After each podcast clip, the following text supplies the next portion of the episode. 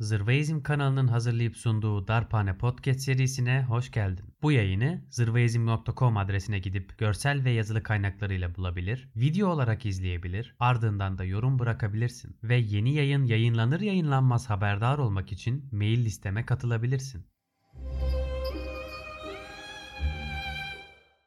Ben dedim tamam ben e, bunu zaten yapıyorum kendim ama bunun için benim bir e, business plan yazmam lazım. Bu benim e, bir senemi aldı. Ondan sonra bir herhalde bir o kadar da ikna etme sürecimi aldı aileme. O da nasıl oldu yani? Hani geldi hadi yapalım oğlum falan filan haldır huldur olmadı. E, o bir senenin sonunda ben tabii bir sürü e, Silikon Vadisi'ne gittim. Orada aile ofisleriyle görüştüm. E, girişim sermayesi fonlarıyla görüştüm. Avrupa'da bunu yaptım. E, biz 200 milyon TL'lik bir fonla yola çıktık.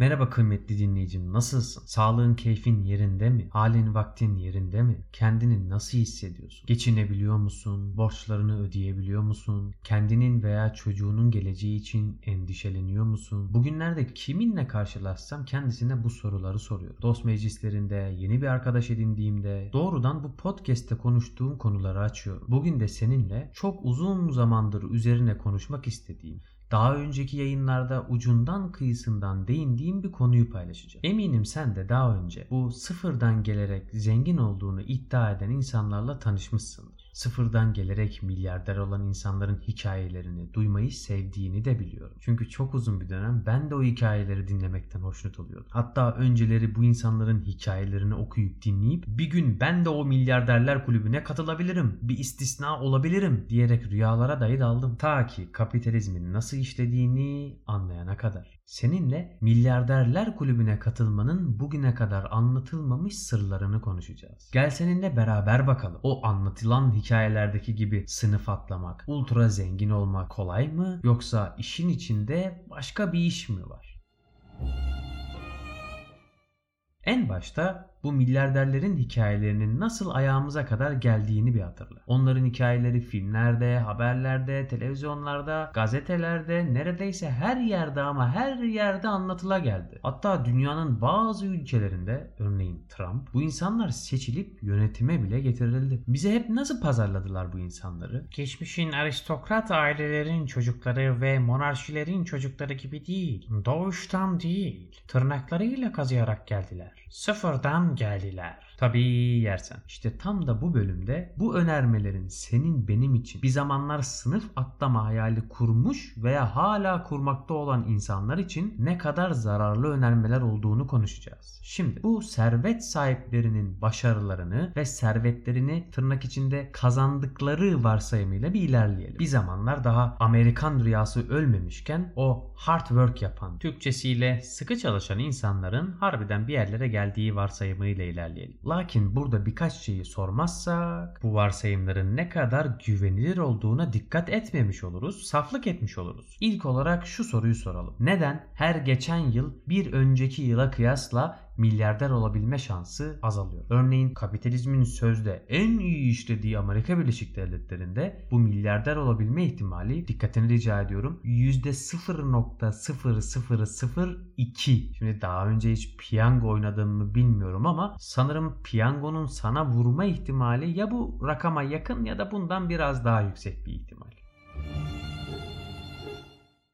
Her neyse devam edelim. Peki bu ihtimal bu kadar düşük olmasına rağmen neden bu liboşlar, kapitalistler ve onların kitle iletişim araçları bir gün siz de o zenginler kulübüne katılabilirsiniz gibi bir algıyı bize dayatıyor? Neden sürekli onlar başardıysa sen de başarabilirsin masalını bize anlatıyorlar? Bunu merak ediyorum. Aslında kıymetli dinleyicim hikaye çok ama çok basit. Senden ön yargılarını bir kenara bırakıp çok dikkatlice dinlemeni istiyorum. Bu insanların ortak olarak yaptığı bir şey var. Bunlar çıkıp derler ki sıfırdan geldim. Başladığımda elde avuçta hiçbir şey yoktu. Ben de 9-5 çalışıyordum. Faturalarımı ödeyemiyordum. Ama şikayet etmektense oturup çok sıkı bir şekilde çalıştım. Ve sonunda başardım. Bakın şimdi neredeyim? Aslında bu cümleleri kurarken seni beni ikna etmek istedikleri iki tane basit şey var. Bunlardan birincisi aslında üstünde oturdukları servetin kendilerince tırnak içinde kazanılmış olduğu ki burada bir parantez açayım. Elde etmekle kazanmış olmak arasında devasa bir fark var. İkinci olarak seni beni ikna etmeye çalıştıkları şey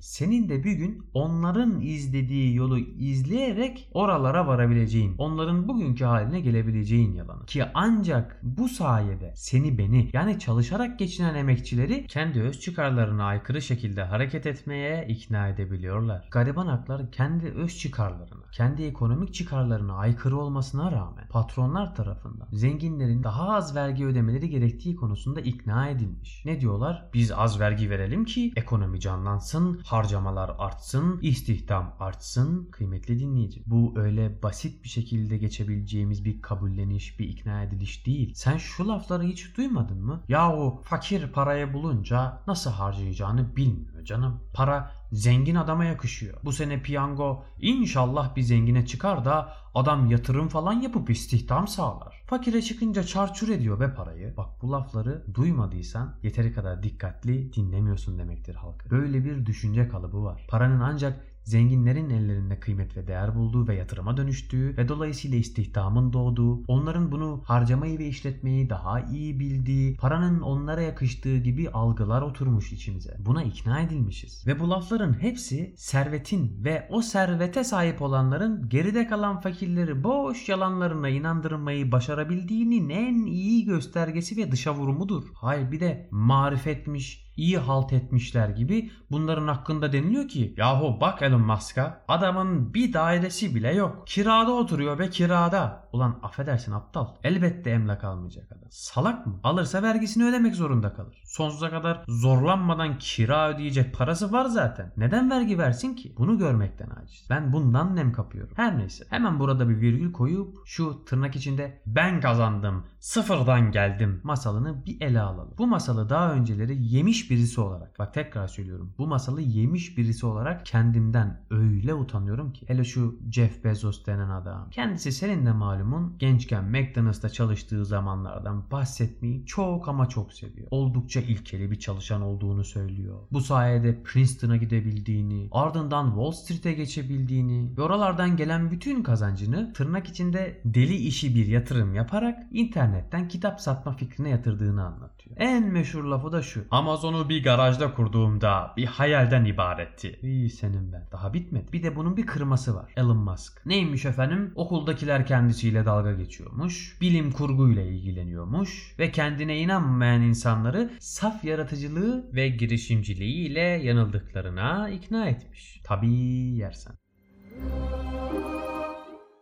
Bu ve benzeri hikayelerin aslında tamamı süslemelerle, abartılarla dolu. Elbette az da olsa kendilerince bir doğruluk payı var. Ama tüm detaylarıyla anlatılmayan hikayeler olduklarından asıl kısımlarını biz göz ardı ediyoruz. Misal Jeff amcamıza bakalım. Bugün internet devi olmasına yardım eden ve ailesinden gelen o kuruluş aşamasındaki 300 bin dolarlık finansal yardımı pek de bir dillendirmiyor kendisi. Aynı şekilde Elon Musk abimiz. Babası Güney Afrika'da yüksek karlı bir zümrüt madeninin sahiplerinden ve yine oranın sayılı emlakçılarından. Bu insanlar elbette sıfırdan gelmediler. Çok çalışmış olabilirler bu milyarderler ancak bugün bulundukları konuma asla ama asla yalnız başlarına gelmediler. Bu çok önemli. Tam da burada geliyoruz bam teline. Ya peki Sevan ne oldu da bu herifler dünya devi olabildiler? Benim gözlemleyebildiğim 3 ana unsurun kombinasyonunun bu duruma yol açtığını düşünüyorum. 1. Ayrıcalıklı veya zengin bir ailede doğmak. 2. Emek sömürüsü. 3. Hükümet desteği. Senden ricam Forbes zenginler listesini aç. En zengini ilk 100 veya ilk 500 isme bak. Aralarından hangisinin ailesinden finansal yardım almayarak bir şeyler tırnak içinde başardığını bir kontrol et. Sonuçlar eminim seni şaşırtacak.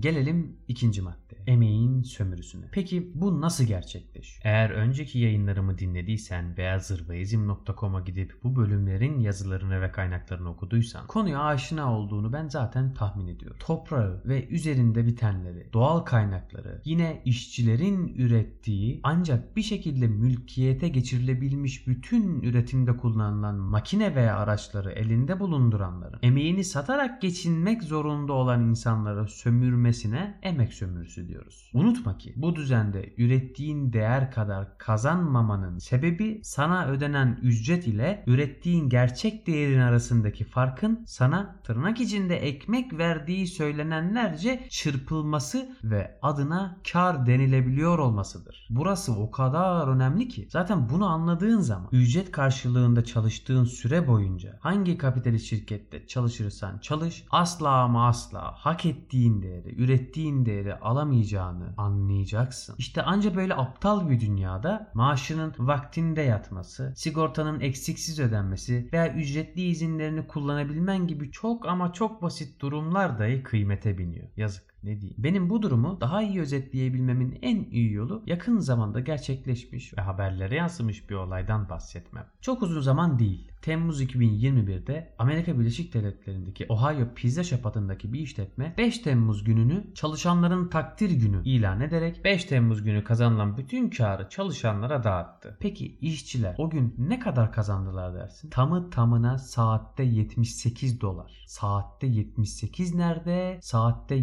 7.8 dolar nerede? Sen de zırvaizm.com'a giderek bu haberi bulabilir ve asıl kaynağından okuyabilirsin. Burada matematiğin gösterdiği şey şu. Eğer sömürü ve sınıf farkı olmasa, üretimde kullanılan araçlar mülkiyete geçirilemese, işçiler normalde saatte kazandıklarının 10 katı kazanabileceklerdi. Eminim senin çalıştığın iş yerinde de bu olsaydı, o işçiler gibi sen de belki 10 kat belki daha fazla günlük kazanç elde edecektin. Tabi tekrar söylüyorum, ürettiğin değerin tamamı çalınmadan sana verilmiş olsaydı.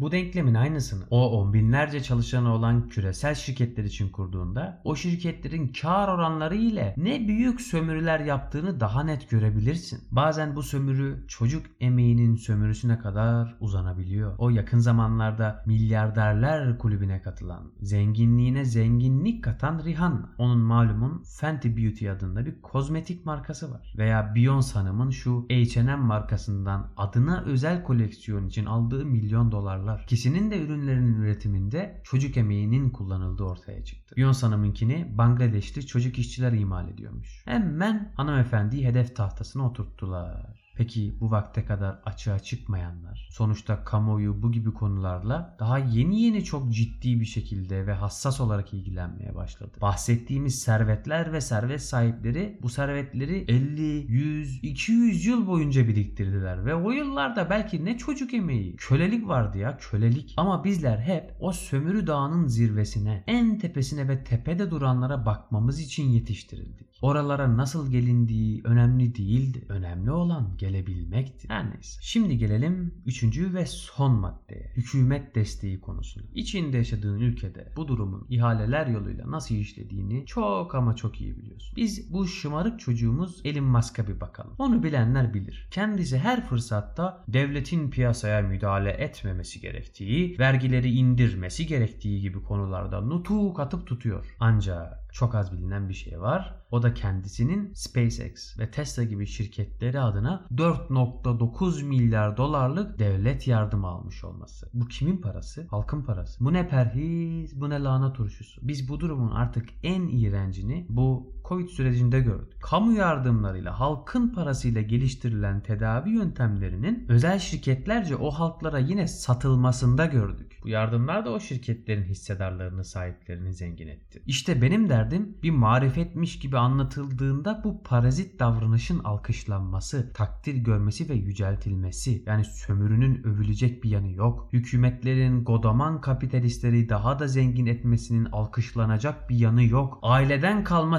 servetle zengin olmanın takdir görülecek bir yanı yok ve olamaz. Üstelik başka bir dünya ve hep birlikte kurtuluş mümkünken.